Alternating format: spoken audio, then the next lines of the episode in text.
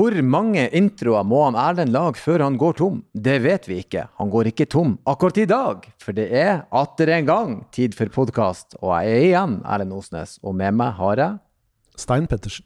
Går det bra, Stein? Du, det går veldig fint. Det er alltid en bra dag i showrommet til Bertil Osten i Bjørvika når vi har så gode gjester. Det er det. Og dagens gjest han mista lappen som 19-åring, men var faktisk takknemlig for det i ettertid. Han sier at han ikke er en sånn MacGyver-type, men han har mer eller mindre plukka fra hverandre bilen sin flere ganger. Og han kvitta seg med alt han eide for å kunne sove diagonalt om natta. Dagens gjest er fotograf og innholdsprodusent Kasper Høglund, som faktisk flytta inn i bilen sin for å dyrke hobbyen som fotograf. Og Stein, denne eh, episoden var rett og slett inspirerende. Ja, Du kommer til å bo i bilen nå når du kommer hjem. Vær trygg, og det kommer flere til å gjøre.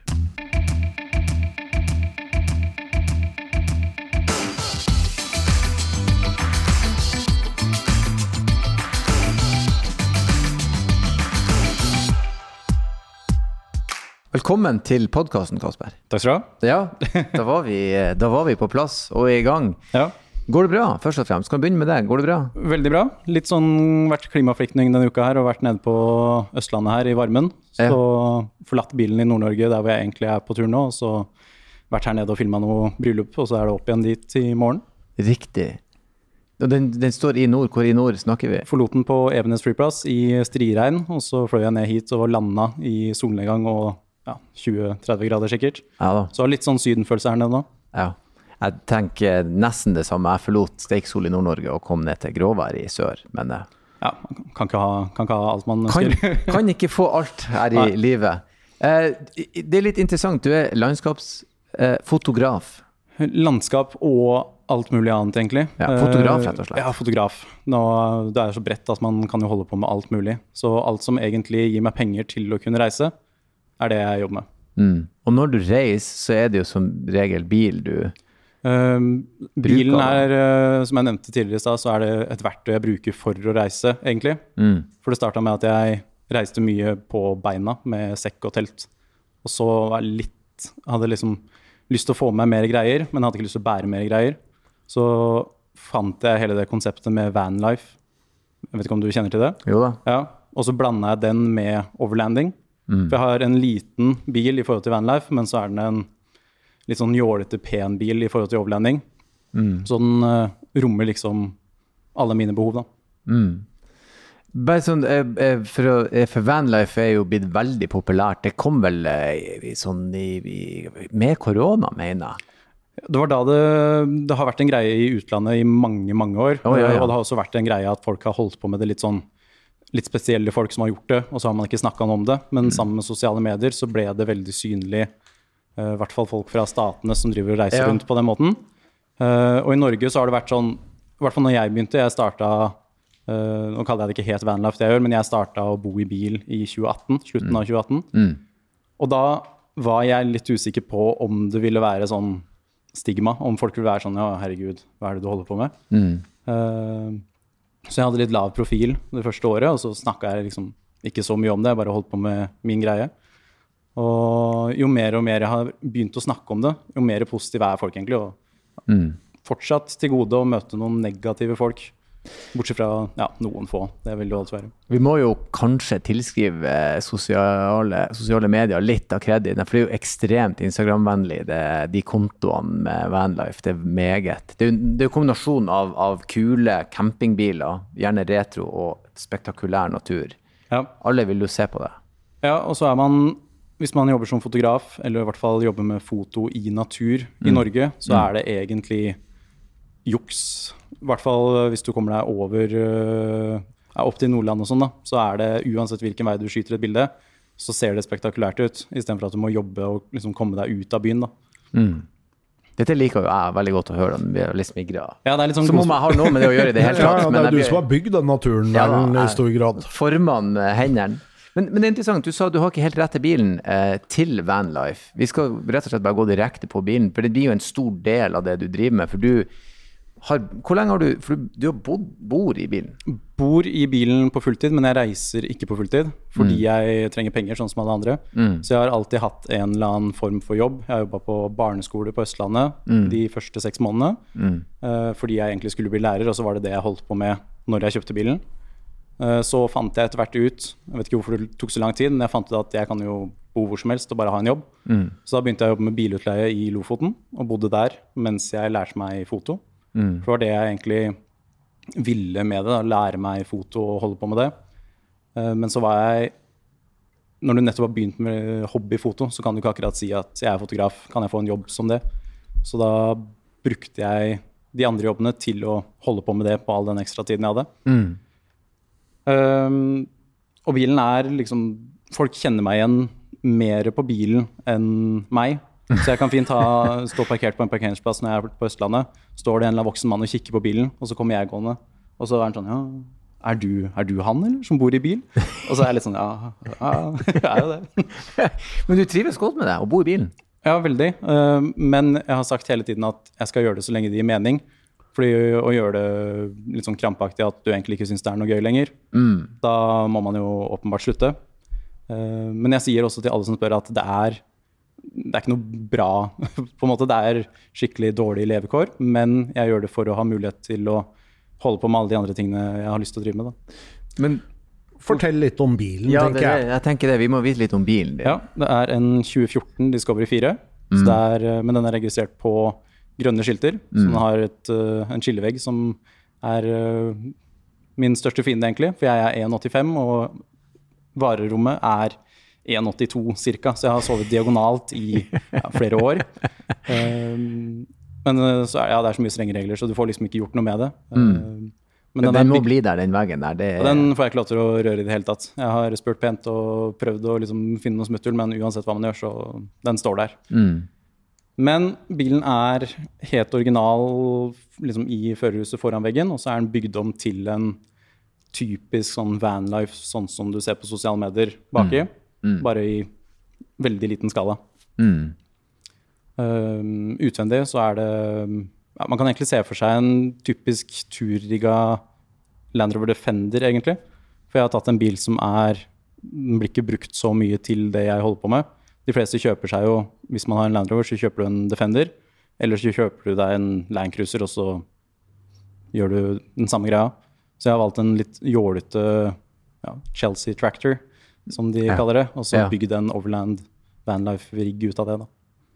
Men siden du har valgt nettopp en jålete Chelsea Tractor, Ja. eh, hvor det kommer ifra, eh, akkurat den biten? Hvorfor ble det akkurat den bilen? Eh, Vokste opp med en far som har hatt mye britiske og italienske biler. Ah, Eh. Så han hadde en Discovery 2 mesteparten av oppveksten min.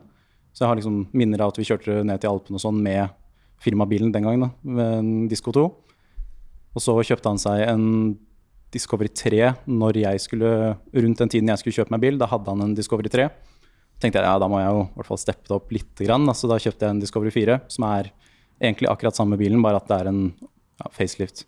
Utvendig og innvendig overalt, egentlig. Mm. Uh, da bytta han den til en eh, kulere Defender, da. så nå er, jo, nå er vi break-even. Men uh, Så det kommer fra faren min, alt som egentlig har med bil og foto å gjøre. Mm. Så han var både bilinteressert og fotointeressert. Ja, så der har det liksom Det har alltid vært en, en eller annen bil eller motorsykkel eller to eller litt for mange, og en haug med kameraer. Um, men moren min er rektor, så jeg har egentlig gått ned veien til å bli lærer i mange år. Og så plutselig så begynte det andre greiene. Det var litt sånn, Å ja, jeg kan få betalt for å være på tur opp i fjellet og surre rundt, ja. Mm. Så da la jeg fra meg det læregreiene ganske fort. Du, det, du, akkurat sånn som du sa det nå, så, så kan jeg ikke klandre deg. Bare surre rundt og kose seg i fjellsida kontra Ja, og det er jo Fast jobb. Ja, jeg har jo jeg har litt sånn halvveis faste jobber også for å få det til å gå rundt. mm. Eh, For du har de som reiser på fulltid, som bare Hvis du ikke har noen utgifter i det hele tatt, så er det greit, egentlig. Men jeg har eh, en bil og et liv å betale for i tillegg, men veldig lite. Jeg har jo venner og bekjente og kolleger som har hus og snakker om ja, det er så dyrt med ting. Så sitter jeg sånn Ja, ja. Det er jo, er jo egentlig ikke så dyrt å leve, føler jeg, da. Men jeg betaler jo den ene tingen. Så jeg, man blir liksom bortskjemt av at jeg er vant til at jeg trenger kun å tenke på meg selv, egentlig. Mm. Men den bilinteressen som eh, far din hadde, hvor mye av den eh, sitter du med i dag? Er du veldig interessert i bil? Veldig interessert i bil. Uh, og så prøver jeg hele tiden å Siden pga. sosiale mediene jeg holder på med, så er det veldig bilfokusert. Så jeg prøver å liksom åpne opp og vise at jeg holder på med mer ting enn bare det. Mm. Uh, men vil si at jeg er veldig bilinteressert. Det er, mesteparten av tiden i livet mitt går jo til bil, så det Mm. går litt hånd i hånd. Men den fotograferinga, det er noe du har tatt opp i senere tid, egentlig, eller? Begynte med det mm, Jeg fikk plutselig veldig mye fritid idet jeg mista lappen som 19-åring. En, Her har vi noe vi må notere og ta opp litt etterpå, ja. Så da begynte jeg å Jeg har vokst opp i Lier med mye fin skog og natur og sånn, så jeg har alltid vært mye på telttur og gått turer. Mm. Men i voksen alder da, så fant jeg at dette er jo trening og rekreasjon og noe man kan holde på med. Så da begynte jeg å gå på mye teltturer og reise rundt, eh, fordi jeg ikke hadde noe annet å gjøre. Og da begynte jeg etter hvert å ta med meg kamera og ta bilde av alle disse plassene. Og så begynte hele den ballen å rulle, at man begynte å synes det var gøy å ta bilder, at du gikk mer på tur for å ta bilder. Så da bodde jeg i- en leilighet midt i byen på den tiden, og så endte det etter hvert med at jeg sov flere netter i telt enn det jeg gjorde i leiligheten. Og da, når jeg fikk lappen igjen, da kom hele den at jeg klarte å se for meg at det ville være lurt å kvitte meg med leilighet for å bo i bil istedenfor, da. Mm. Men hva er det som gir deg så mye ved å være ute i naturen, da? Veldig godt spørsmål. Det Nei, det, jeg har egentlig ikke noe godt svar på det heller. Jeg, eller alt jeg gjør, er jo veldig sånn egosentrisk, men på en fin måte. At jeg er veldig glad i å tenke på meg sjæl. Liksom nyte at shit, nå bare er jeg et eller annet sted her og kan nyte det. Selv om det høres veldig pompøst ut. Men Så jeg, har, jeg setter aldri fingeren på hvorfor jeg syns det er fint, men ja, jeg tror alle som har vært på en eller annen tur alene En ting er å gå med noen og stå og snakke. Hvis du er et eller annet sted alene, og så kommer det en eller annen solnedgang, eller noe, så står du der litt sånn Ja, dette var bra. Mm. Men hvor mange dager i året tilbringer du aleine? Bare du. Det er ikke så mange som det egentlig Høres ut sånn. Ja, for det er nett, ja, man kan tenke Det er egentlig en av de spørsmålene jeg får mest. Sånn, ja, er du ikke ensom? Eh, men jeg er jo mer sosial nå enn det jeg var når jeg bodde midt på torget i Drammen. Fordi nå blir jeg tvunget ut til å møte folk, eller eh, plutselig så er jeg og holder på med et eller annet oppe i Nord-Norge, og så kommer det en fyr fra uh, Sveits og bare ja, jeg har sett deg på internett, og skulle vi tatt en tur borti her? Og så Jeg ville jo aldri gjort det til vanlig hvis det kom en fyr bort meg på gata og sa jeg er fra Sveits, kan vi snakke sammen? Så har jeg sagt no, no, no. Nei takk. Så, så bilen står oppi ja, Som jeg nevnte, så står den oppe i Nord-Norge nå. Fikk melding av en fyr fra Kasjokstan her om dagen som har kjørt samme type bil fra Kasjokstan via en haug med land og er nå på vei til Barcelona. Lurte på om jeg var i nærheten siden bilen min sto der oppe. Eh, så man blir jo møtt med veldig mye mennesker som jeg aldri ville sett eller hørt noe fra hvis jeg ikke Mm. holdt på med dette da. Både innen bil og foto, som er liksom to forskjellige sfærer. Men så er det vel også forskjell på å være ensom og være alene. Det er to vilt forskjellige ting. Du kan jo være ensom midt i Oslo sentrum. Ja, og jeg tror det er mer vanlig, egentlig, enn ja, Det er sjelden jeg møter en fyr som er alene på telttur, f.eks., og er sur. han, har- han, har valgt å være grunn. der Ja. liksom, av en grunn. Han trenger den tida. Men vi starta jo med å snakke om vær og regn og sol og sånn. Altså, jeg er ganske glad i å være på tur, men jeg er jo primært glad i å være på tur når det er fint vær. Altså, hvis du er på tur sammenhengende så lenge som du er, så er det, og særlig i Nord-Norge, det kan Erlend bekrefte, Ja. eh, så er det en del dritvær. Ja. Uh, og da har du jo liksom ikke, Du kan ikke gå i biblioteket, liksom. Du, du er der du er. Ja. Jeg syns jo det er litt av moroa med det jeg holder på med. Det går jo en litt sånn uh, Jeg får en litt drive til å fortsette når det blir vanskelig. Så første vinteren jeg bodde i bil oppe i Lofoten, så er jo jeg en søring, da. Jeg visste ikke hva jeg ga meg ut på. Men da ble det egentlig morsommere. Jo mer eh, dritvær det kom, så var jeg litt sånn Ja, da skal jeg vise at jeg kan ikke gi opp nå. Det blir jo bare flauere og flauere. Mm. Uh, og så har jeg etter hvert bare begynt å like når det er dårlig vær, fordi bildene ser kulere ut, videoene ser mye mer brutale ut. Uh, skal ikke si at jeg ikke liker når det er fint vær i lengre perioder, men jeg har liksom ikke noe mot det dårlige været heller. Men det kommer nok Jeg tror Hadde jeg ikke drevet med foto, så hadde jeg stått der litt sånn Ja, nå er jeg ferdig. Nå gidder jeg ikke mer. Ja, for den ser jeg. Også er, men så er det jo også noe med Det er jo slitsomt å sette seg inn i en vanlig bil når du har vært ute og det regner og alt er vått og Ja. det dogger og du og, Men du skal jo da tørke de klærne og hvordan, hvordan, Jeg tror du må snakke oss gjennom litt dette livet bak i Discoveryen, liksom. Ja, for jeg har vurdert å lage en egen lukka profil for alle venner og bekjente, bare for å forklare alt konteksten. For alt jeg gjør, krever egentlig kontekst. Eh, Det er veldig sjeldent at jeg sier ja, jeg heter Kasper, jeg bor i bil, og så bare ha det. Så jeg må alltid ha en eller annen kontekst til hele greia. Um, så jeg finner egentlig alltid en eller annen måte til å få ting til å gå rundt, men ikke forstyrre eller plage noen andre. Det skal liksom ikke bry noen at jeg driver og holder på med det jeg gjør. Så dusj, for eksempel, det finner man alltid hvor som helst det er treningsstudio. Så nå har jeg medlemskap på to forskjellige studioer, og så kan jeg dra innom der og dusje, og av og til trene litt grann i tillegg. Eh, og så har jeg hatt litt forskjellige løsninger på klesvask og tørk og dusj og alt sånn ut fra hvor i landet jeg har vært. Eh, hadde en morsom en da jeg bodde i Nord-Norge. Da Den jobben jeg hadde da, hadde et sånn stort næringsbygg. Og så etter at jeg hadde jobba der en stund, så var det noen som sa ja, i kjelleren så er det klesvask og treningsstudio og sånn. Og da lyste øynene mine opp. Jeg på sånn, ja, skal jeg sjekke ut. Så fant jeg ut at der nede var det sånn klassiske skoleskap, de gamle metallskapene. Uh, var det en haug av de med masse nøkler, ingen som brukte dem. Tok jeg med meg tre-fire-fem nøkler. Begynte jeg å henge opp klesvask der inne for å tørke det i de skapene. Aldri sagt det til noen, og aldri spurt heller, men Ja, det er jo helt perfekt. Til klassisk eh, tillatelse, tilgivelse-case type ting. Ja, fordi ja, som jeg nevnte, jeg har ikke lyst til å bry noen med det jeg holder på med. Men står det et tomt skap et eller annet sted, så plager vel egentlig ingen. Men var det, en, var det en glidende overgang til det å bo i bilen, eller var det bare sånn du bestemte deg at nå? Eller, eller ble det bare flere og flere netter, og så så du dette er faktisk mulig? Jeg begynte å snakke med en fotograf jeg kjenner, som bodde i en svær van i Lofoten. Og da bodde jeg fortsatt på Østlandet og jobba på skole. Og så tok det kanskje en halv måned før jeg hadde sagt at ja, nei, jeg sier opp den leiligheten her, ja. Så spurte han eh, huseieren ja, trenger du noen referanser. Jeg ba nei, det går fint. Så kjøpte jeg eh, bilen, Usett, i Fredrikstad, dro ned og henta den. Og så sto jeg der på nyttårsaften til 2019. Da var jeg offisielt eh, hjemløs og hadde bare bil. Og så hadde jeg kvitta meg med alle tingene jeg ikke trengte, bare solgte alt mulig på Finn og ga bort resten. Så sto jeg der sånn, ja, da begynner vi, da. Og da var bilen helt original i de første seks måneder, tror jeg. Bare pælma en madrass inni, og så bare fant ut hva er det man egentlig trenger. Ja, det er veldig vanskelig å bygge et eller annet uten å ha gjort det før. Ja, du må erfare litt for å vite hva skal jeg Ja. putte. Ja, For det er jo ganske begrensa hva du kan ha med deg. Vil Vil man tro. tro, men jeg har øh, Trodde jeg. Ja, jeg leker med tanken å skaffe meg en mye mindre bil, jeg. Uh, fordi jeg føler at jeg har så mye greier jeg egentlig ikke trenger.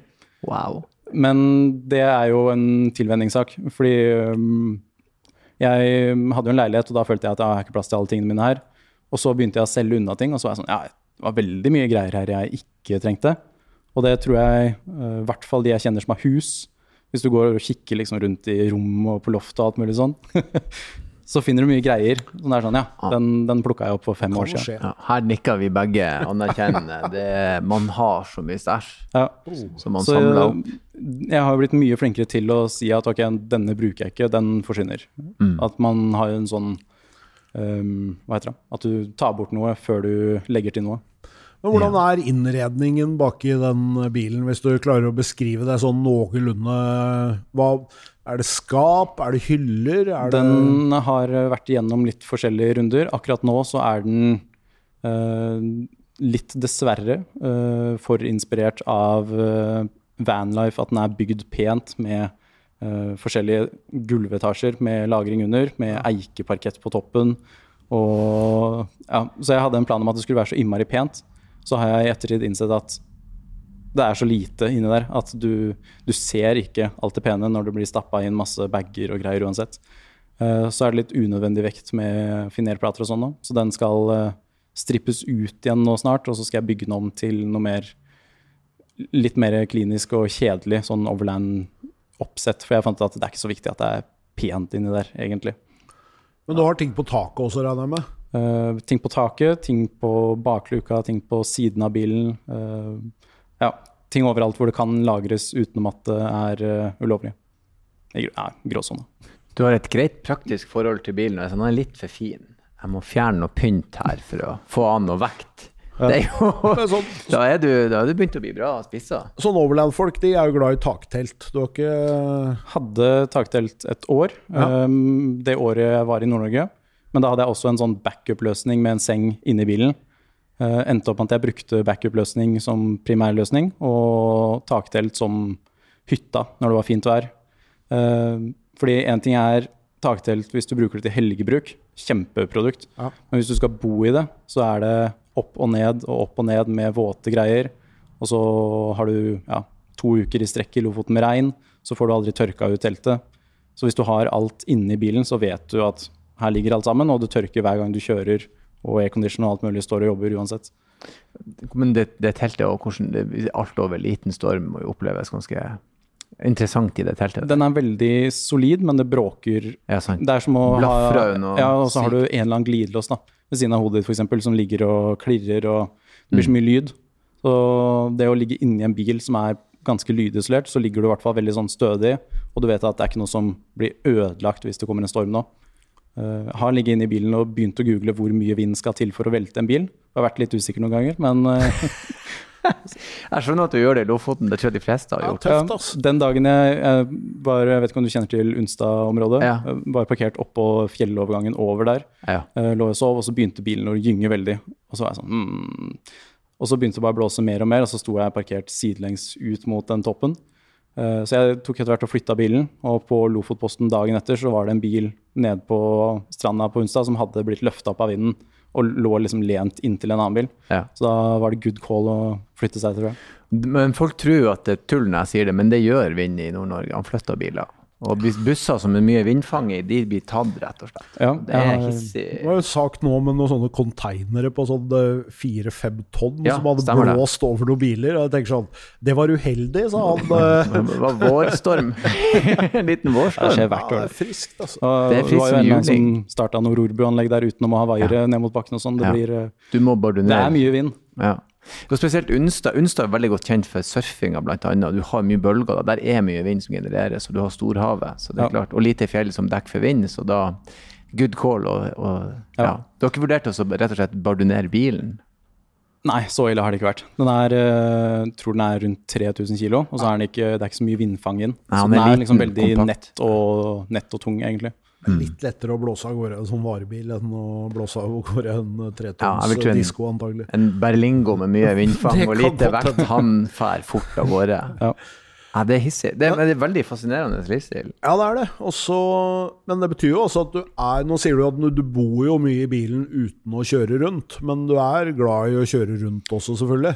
Det har eh, eh, noen hundre tusen kilometer fra jeg fikk lappen. Uh, jeg vet ikke helt uh, Jeg har egentlig alltid vært glad i å kjøre. Det, jeg kjøpte en Alfa Romeo 156 som første bil. Ja. Eh, brukte de pengene som skulle gå til russetid. Så var jeg sånn Ja, russetida går ganske fort over, men en bil varer lenge. Kanskje ikke en 156, Kanskje, ja, ja. Jeg, må, jeg må applaudere vurderingsevnen din. jeg har litt erfaring med, med akkurat den modellen. Ja, jeg vokste opp med Faren min hadde en 147 og en 156 Crosswagen, Ja. så jeg visste veldig godt hvilke problemer jeg gikk inn i, Mm. som gjorde at det egentlig var Da var det greit, fordi du vet hva det er. Det er mye er verre det med mye diesel. gleder òg. Men her er jo et mønsterstein. Han liker biler med personlighet. Ja, ja, ja, her er det det lander Land Rover, litt det er Alfa. upålitelige biler med personlighet. Ja, jeg vil gjerne plages lite grann. Dette må ikke det være ikke være, smooth. nei, det skal ikke være for enkelt, liksom. Du skal jo ha noe å holde på med. Men jeg digger at du bare rett og slett russetida går fort, bilen varer lengre. Ja. Det var eh, vurderinga som lå bak. Førerkortet varte ikke så lenge, da, tydeligvis. Nei, ikke med den alfaen, for det var, den er litt sånn basic entry. Men så fant jeg ut at det gikk an å eh, Den kjøpte jeg bare, men jeg jobba fulltid som lærerassistent da. Så fant jeg ut at det var noe som het billån, og da var det sånn, å ja. så da kjøpte jeg en eh, 1998 916 Spider, eh, som faren min også hadde hatt en tilsvarende tidligere. Som var egentlig helt strøken, aldri vinterkjørt. Så kom jeg 18 og begynner å liksom bygge om og ordne og styre. da. Så første dagen med fellesferie, nymontert sportseksos, nye grenrør, inn i en tunnel på E18, og bak meg lå det en svart Audi som ikke syntes det var så kult. Så da ble det noen måneder med telttur istedenfor. Så da røyk rett og slett lappen. Ja. Men det var egentlig, jeg har tenkt på det i senere tid, at det var eh, det var fint egentlig at det skjedde da. Heller at du liksom får en smekk på fingeren når du er 18-19. Og så er det sånn, ah, ja, fader, da får du mye mer respekt for eh, Ikke nødvendigvis fartsgrenser, men du får mye mer, mer respekt for at den lappen er veldig viktig. Eh, og i hvert fall nå, hvor hele livet mitt baserer seg rundt på at mister, Ja. du, mister du den nå, så bor du der du mista lappen, egentlig. Sånn sett så er det jo også en Du fordel er på en Evenes i tolv måneder. Da er det Evenes, da skal vi sitte her og Altså, da er- da er det bedre Da er det jo på en måte bedre å miste lappen oppå vidda enn å gjøre det nede i sentrum, på en måte. Ja, faktisk. Jeg har, eh, Bilen jeg har nå, er eh, litt kjent for at den driver og knekker veiver og litt sånn diverse tullefeil. Og så har jeg hele tiden sagt at Det er litt mer enn en tullefeil da når veiva ryker. hvis det skjer, så skjer det. Men eh, jeg har hele tiden sagt at ja, sånn som du nevnte, hvis du mister lappen på vidda, så er det bedre da, for da står du der. Men jeg har også sagt hele tiden at dersom den bilen skal få motorhavari eller brenne opp eller gjøre et eller annet, så har jeg mye mer lyst til at det skal skje på liksom vidda eller Silkeveien eller et eller annet kult, hvor det i hvert fall er en historie, enn at det skjedde bilder. Ja, enn at det skjedde liksom på Ring 2, da. Så sto bilen der og bare ja, ja, ja. Altså, det må være en historie her. Ja, heller det. Alt som Jeg har jo hatt ting som har blitt ødelagt eller satt meg fast, og så er det Det går greit. Fordi ja, jeg sto der i tre timer og gravde og styra for å komme meg ut, men da har du i hvert fall en historie å fortelle om det. Du har vinsj på den? Nei. Har du ikke Det her, Norge er jo såpass strengt med Du har jo egentlig ikke mulighet til å kjøre noe offroad i Norge. eh, og det er mest Norge jeg reiser rundt i. Og da må man tenke litt sånn Ja, hva er vekt og kost versus nytte?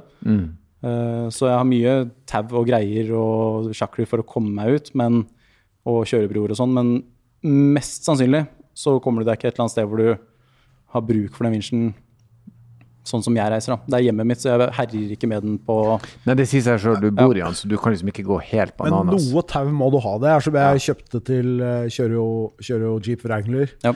Og i vinter så fant jeg ut at eh, vet du hva, jeg må ha et skikkelig tau i den bilen. Ikke fordi at jeg skal kjøre meg fast sjøl, men det ser utrolig dumt ut å komme i en sånn bil og ikke kunne trekke opp de andre som har kjørt i grøfta. Ja.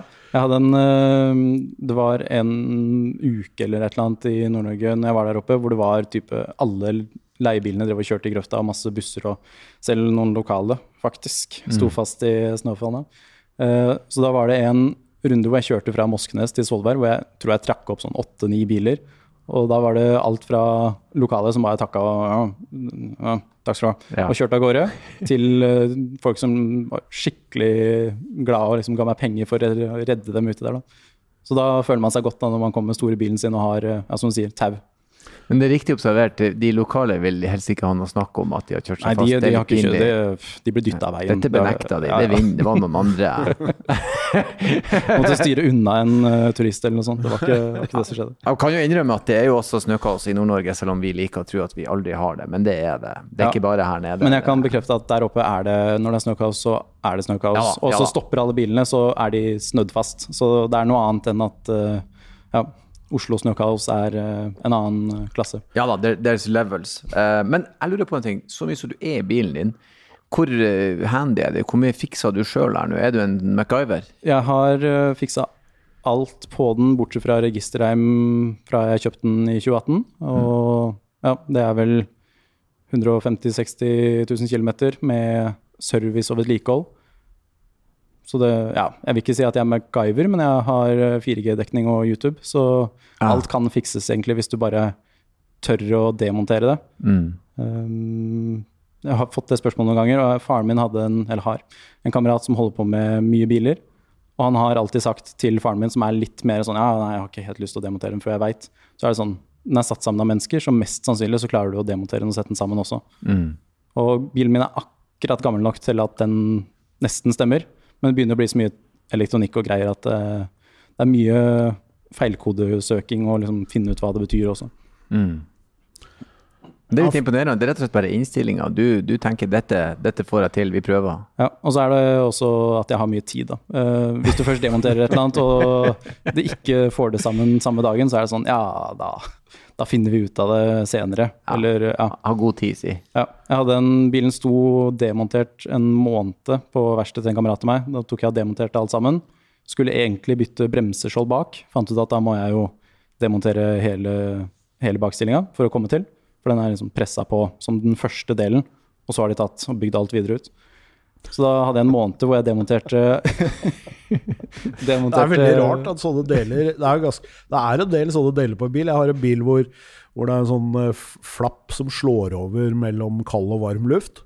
Og det er den første bilen de, Det er altså den første delen de satte i i den bilen når de bygde den. Men så klart. Alt er bygd rundt. Ja. Og det er alltid den dårligste delen. da Unnskyld, det var ikke bare å ødelegge. Ja, nei, det det, er, det er fint innspill, for det er mye på den bilen jeg har. Den er egentlig, Det står i servicemanualen på nesten alt, så står det nei, body off. Det er liksom selvbærende ramme på karosseri, så den skal egentlig splittes hver gang du skal gjøre noe, nesten.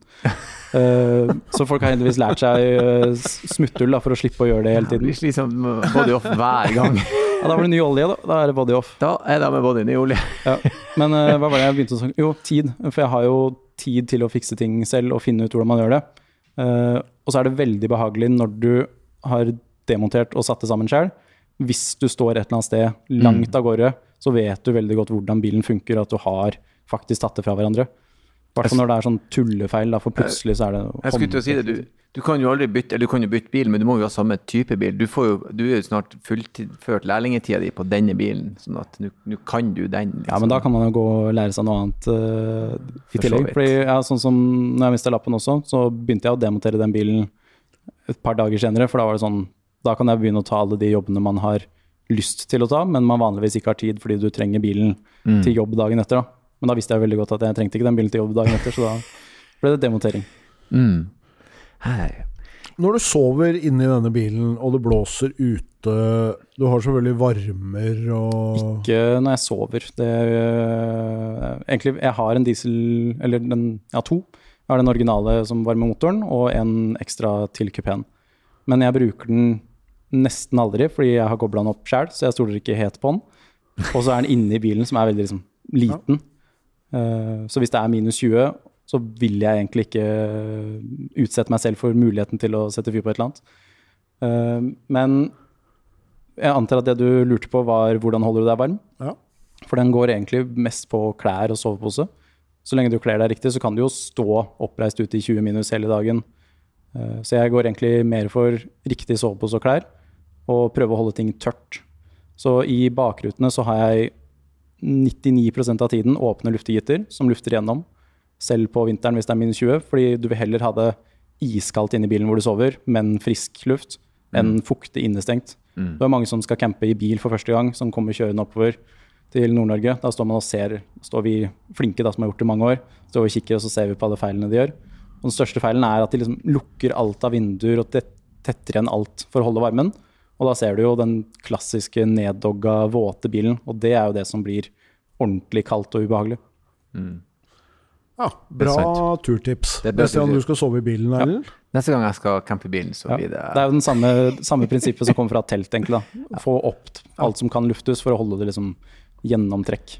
rå luft, er også har kjipt du, å varme opp. opplevd, Så. har du opplevd å være skikkelig kald og tenke hva i alle dager jeg kunne kunne jobba på barneskole, gått hjem og satt meg i en treromsleilighet, fyrt opp i peisen, skrudd på TV-en. Det har vært skikkelig kaldt og miserabelt når jeg har holdt på med et eller annet, men jeg har fortsatt til gode å være inne i bilen og være kald.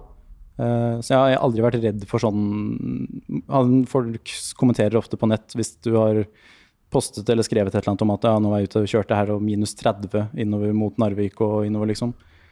Og så er det ja, hva gjør du hvis bilen liksom stopper?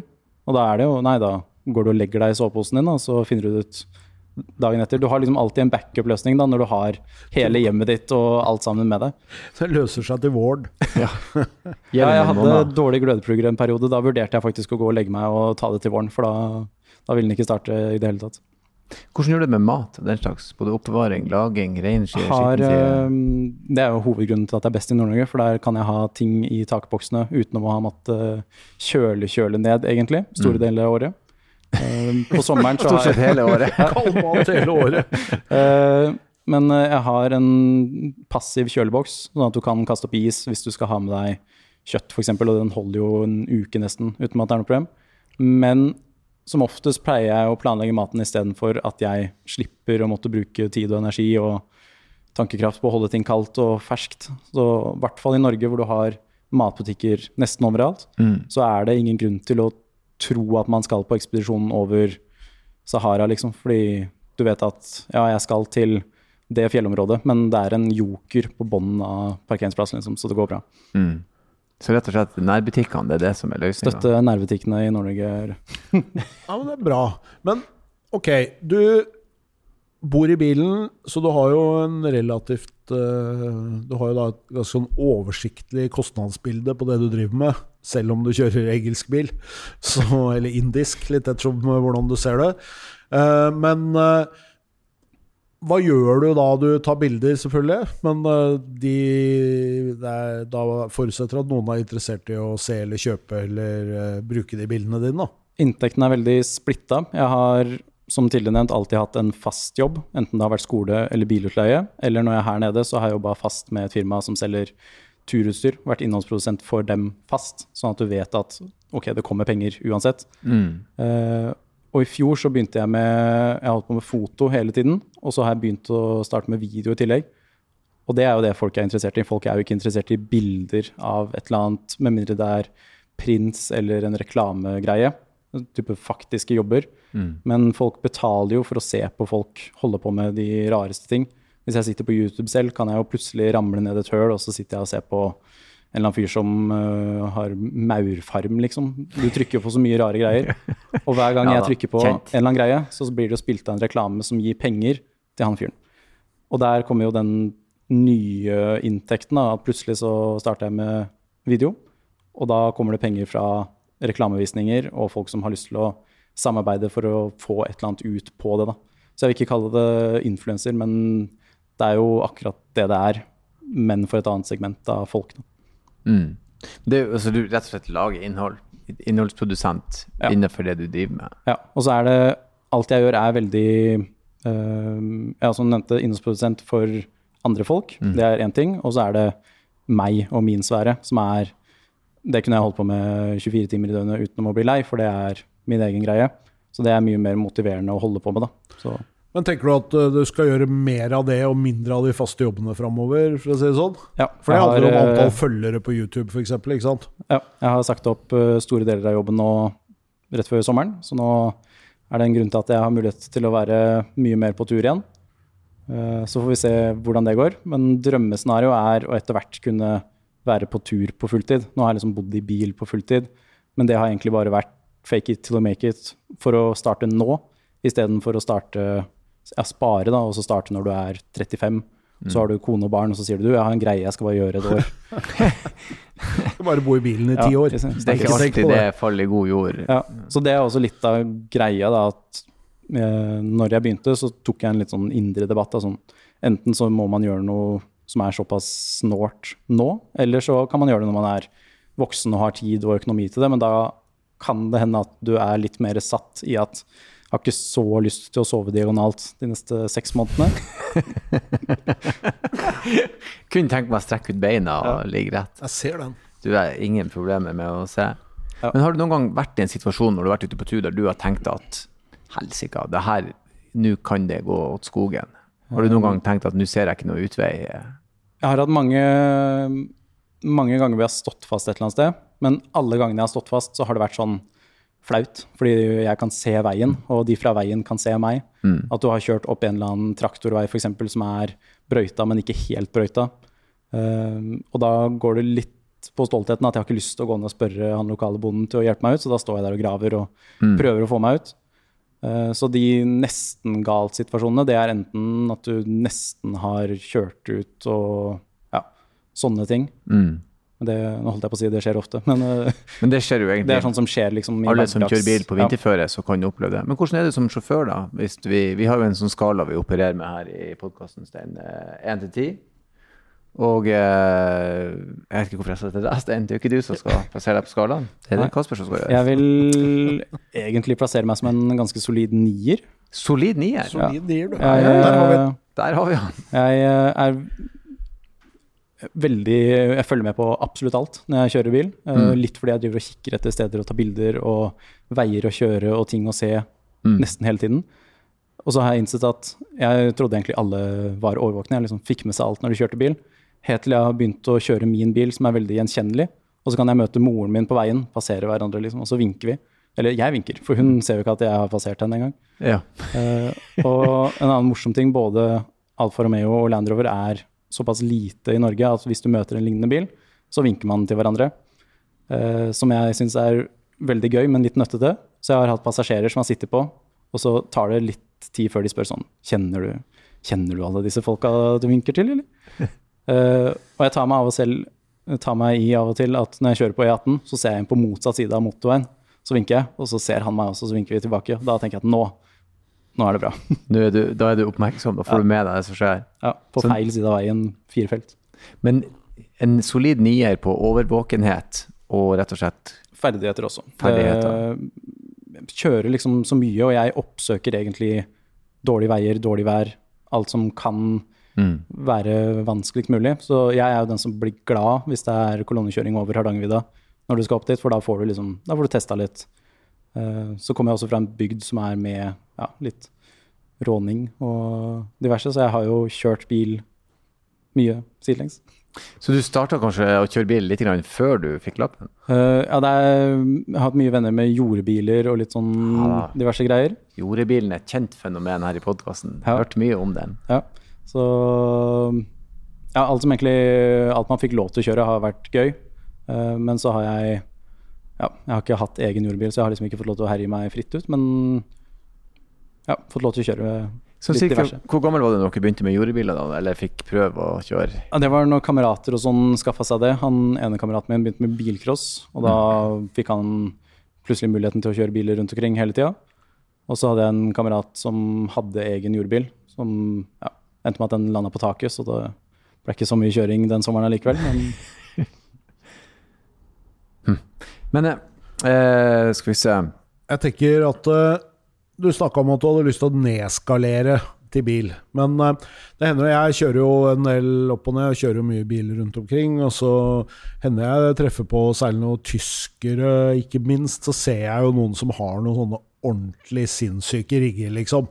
Kommer en sånn eh, En sånn Unimog i full, i full campingrigg, liksom. Hvis du hvis du satt eh, Hvis du lå oppe på, på Unstad, det blåste ut og tenkte jeg må finne på et eller annet, ok, jeg leverer inn en uh, euro jackpot uh, i kveld, og den går inn Nå var det vel 1,2 milliarder, tror jeg. Ja, 1,2 eh, Rolig nå 1,2 milliarder. Ja da. Da tenker jeg at da har du jo mulighet til å bygge, kjøpe, få bygd den optimale drømmebilen. Du kan selvfølgelig få lov å ha en bil eller to her nede også i tillegg, men hvis du har Vi pleier å si inntil tre biler, da. Hva vil du ha valgt da? Uh, disse svære Unimog-riggene er jo dødskule, men de egner seg jo ikke ett sekund på norske veier. Uh, jeg har møtt mye av de på en ting er Nord-Norge, men sånn på vestlandsveier og sånn, så er det ikke fett å ha svær lastebil som ja, det er en, du kan kjøre over de andre bilene, men du får jo ikke lov til det. Så det hjelper jo ikke at du har muligheten til å gjøre det. Eh, Så de er veldig upraktiske, men man får den også i mye kortere versjoner. I, eh, ja, i Vekor og forskjellige biler som er Du har en lastebil som tåler alt, og så har du en firkanta boks bakpå. Så det hadde vært veldig kult, men jeg har egentlig aldri hatt bruk for det fordi jeg reiser i Norge. Du ser jo de som reiser Silkeveien f.eks. Da. da gir det veldig mening, fordi du kan kjøre overalt, og du har mulighet til å ha med deg 100% hva du vil, og en ekstra bil og ti unger. og du, ja, du har liksom ikke noen grense på hva du kan ta med deg. Men jeg vil ikke egentlig si at jeg har lyst på det, fordi grunnen til at jeg gikk for min bil istedenfor en van, var at jeg ville ha noe som jeg syntes var kult i tillegg. Og en lastebil er ikke kult, egentlig. Det går ikke noe fort. Det er, det er en lastebil, uansett hvordan, du, hvordan den ser ut. Så hadde jeg hatt unødvendig mye penger, så hadde jeg kjøpt en Lancia Stratos og rigga den som rallybil. Og så hadde jeg hatt med meg telt. Punktum. Lancia Stratos, det er jo det er jo et nydelig svar. Det er jo en fantastisk eh, kul bil. Da må du òg ha litt penger hvis du skal få tak i en. En replika er jo fort 12 mill., liksom, Ja. plutselig. Så, Så, det, skal du ha en ekte en, så trenger du 1,2 milliarder. Så, så er det noe med at eh, ja, det er upraktisk å sove diagonalt bak i den bilen, men å, å prøve å sette seg i en sånn eh, Jeg har prøvd å sette meg inn i en sånn Stratos-replika. Ja. Det går ikke. Nei. Jeg kommer ikke inn. Mm. Ikke sjans. Og den, litt tanken bak det er øh, en litt mer realistisk plan slash drøm jeg har, er å bytte ut eller ha to biler, men i hvert fall skaffe meg en bil som er nettere og mindre, og egentlig reise sørover. For i Nord-Norge så er det fint med bilen min, fordi da har du ditt trygge avlukke, på en måte. Men hvis jeg skulle et eller annet sted hvor det er varmere, og du kan sove i et telt, og du kan reise på en litt annen måte, så har jeg vurdert enten å kjøpe en 1300 Junior, en gammel Bertone Alfa, eller en Lancia Delta. Og bygge liksom rallystuk, men ikke full rallybil. Den skulle vært pålitelig og trygg og grei. Mm. Men uh, ja, gjør det vanskeligere for meg. Det skal ikke være for enkelt. Men det skal se litt fett ut. Ja, det skal se fett ut, og jeg skal synes at det er gøy. Så det er egentlig hele greia. Bilen min nå også er også rigga på en måte som gjør at den ser retro og kul ut, men det er veldig mye som er unødvendig, i form av at jeg kunne fint egentlig bare hatt dette takteltet og vært på tur. Så det går mye på at jeg skal ha det gøy med det jeg holder på med da. Liker innstillinga her. Sten. Ja, det er fantastisk. Eh, Men eh, du snakker om Silkeveien. Har du noen sånne, har du noen sånne drømmemålturer, liksom? Ja, Silkeveien er en av de. Si litt om den. Du har, eh, nå er det jo forskjellige veier som blir kalt Silkeveien plutselig, men den, opprinnelig så kjører du fra Europa gjennom hele Asia bort til kysten borti der. Uh, og det er såpass mye folk som kjører der at det er egentlig ikke noe problem. Men når jeg begynte å leke med den drømmen, så kom korona, og da var det mye Man syntes at det var strengt og kjipt her, men du kan se for deg hvordan det er i Usbekistan under en pandemi med grenseoverganger og alt mulig. Men det er veldig mye av disse store Unimog-bilene og folk med Land Rovere og andre turbiler som tar den turen, da, at du kjører gjennom hele Øst-Europa og over til Asia. Og bare det å kjøre en bil fysisk til Asia i seg selv er jo liksom kult å bare ha gjort. Da. Mm. Så du er definitivt glad i å kjøre bil, da? Veldig glad i å kjøre bil. Hva, men hva er det du liker så godt med det, å sitte bak rattet? Nei, godt spørsmål, egentlig. Eh, bilen min er jeg veldig glad i å kjøre fordi det er Alt er bare komfortabelt, og du kan bare flyte, flyte gjennom røff natur, og så sitter du egentlig inni en jålete bil med kjøleskap i armlena og har det fint. Mm. Men når jeg kjører alt mulig av kjipe biler også, som Defender f.eks., som ikke er noe god å kjøre, så koser jeg meg like mye med det uansett hvor langt jeg kjører. Jeg har en kamerat som selger mye biler, som spurte om jeg kunne bli med og kjøre en bil til Kroatia i fjor vinter. En gammel Defender. Skikkelig slitsomt, bråkete. Så var jeg sånn, ja, ja, fin tur, bli med. Hadde ikke noe grunn til å bli med, bare fordi jeg fikk muligheten til å kjøre bil til Kroatia. Det er jo fantastisk, det. Det her er jo eh, rett oppi gata vår. Det, men jeg er også sånn, jeg, jeg er også sånn, det er ikke så ofte bilen. Jeg kjørte eh, billige, eh, skrotete leiebiler og hadde kjempegøy i de. For de har sjarm, og du må lære deg å kjenne dem før du får start på dem. Og du, bare det at det er et klenodium i seg sjøl, syns jeg er jævlig gøy med det. Men er du sånn som trenger litt eh, lyd rundt deg? Hører du på musikk? Hører du på podkast? Hva gjør du? Liksom? Jeg tenker sånn Jeg er sånn som tar på meg Jeg putter propper i øra så fort jeg bare skal gå ut og gjøre et eller annet i hagen, liksom. Jeg har alltid et eller annet, en eller annen lyd, da. Ja, jeg hører alltid på et eller annet hvis jeg kjører. Jeg tror jeg nesten aldri kjører en meter uten å høre på noe. Eh, samme gjelder hvis jeg går rundt omkring i byen. Men hvis jeg er på tur-tur, type ute av bilen, ryggsekk, vidde, så har jeg aldri noe på øra i det hele tatt. Da er det kun naturen som gjør det. Ja. Det å være litt i eget hode, rett og slett. Ja, Øh, ja, men samtidig så er jeg, når jeg kjører bil og liksom lytter til musikk og bare er på liksom, biltur, så er det veldig ofte at jeg egentlig ikke tenker over hva jeg hører på heller. Det bare er bakgrunnsstøy til det jeg holder på med, Mm. egentlig. Mm. Fantastisk. Fantastisk. Altså, jeg tror eh, de aller fleste som har hørt på denne episoden nå, har litt grann lyst til å prøve å bo litt i bilen. Ja. Jeg, jeg nevnte i stad at jeg anbefaler riktige folk eh, Mm. å gjøre det fulltid, for det er jo upraktisk, og ja, det er mye mer bak fasaden, da. Eh, Men det å ta seg en måned på sommerferie og liksom bo i bil, det er nesten gratis hvis du allerede har en bil, istedenfor å booke overnatting overalt. Så det å Ja, det er få biler det ikke går an å sove i. Jeg har også sovet i en Toyota Yaris leiebil. Lagt ned setene, liksom. Du kan sove i hva som helst så lenge du er litt grann kreativ med seteflytting og en eller annen madrassløsning. Mm. Og veldig trøtt. Og veldig trøtt, ja. Det hjelper også. Du, hvor, eh, hvor folk kan eh, finne deg henne? Vi må gi deg tips hvor de kan følge deg henne. Du, jeg regner sterkt med du er på sosiale medier. Instagram, da? Alle sosiale medier, egentlig. På Kasper Høglund, eller Hoglund. Kasper Hoglund Ja. på alle sosiale medier. Skal vi eh, helt til slutt et siste tips til de som ønsker å begynne å ja, teste ut vanlife? Hva er det beste tipset du har til en nybegynner? Egentlig ta den bilen du har. Hvis du De fleste har dem ja, Ikke akkurat her i Oslo sentrum, men de fleste som vurderer å bo i bil, har nok mest sannsynlig en eller annen bil. Mm. Og hvis man bare slår ned setene og sier OK, denne uka her så er jeg på tur, da.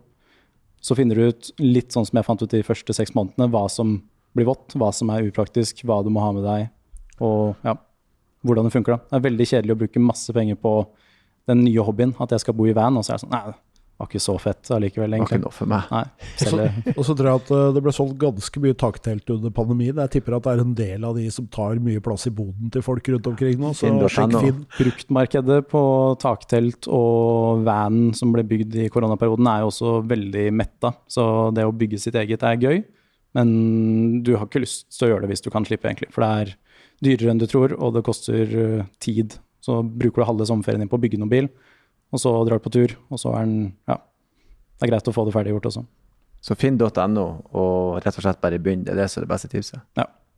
Ja, men Strålende. Eh, tusen takk for at du kom innom oss og snakka litt bil. Ja, takk for Og at du kom. så skal jeg avslutte som jeg alltid gjør, med å si eh, ja, takk for besøket, og kjør forsiktig.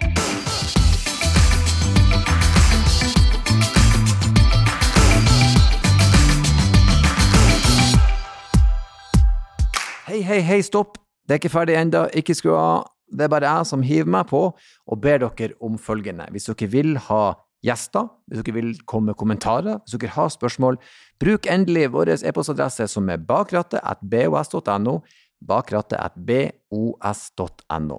Ta kontakt, og ikke glem å kjøre forsiktig.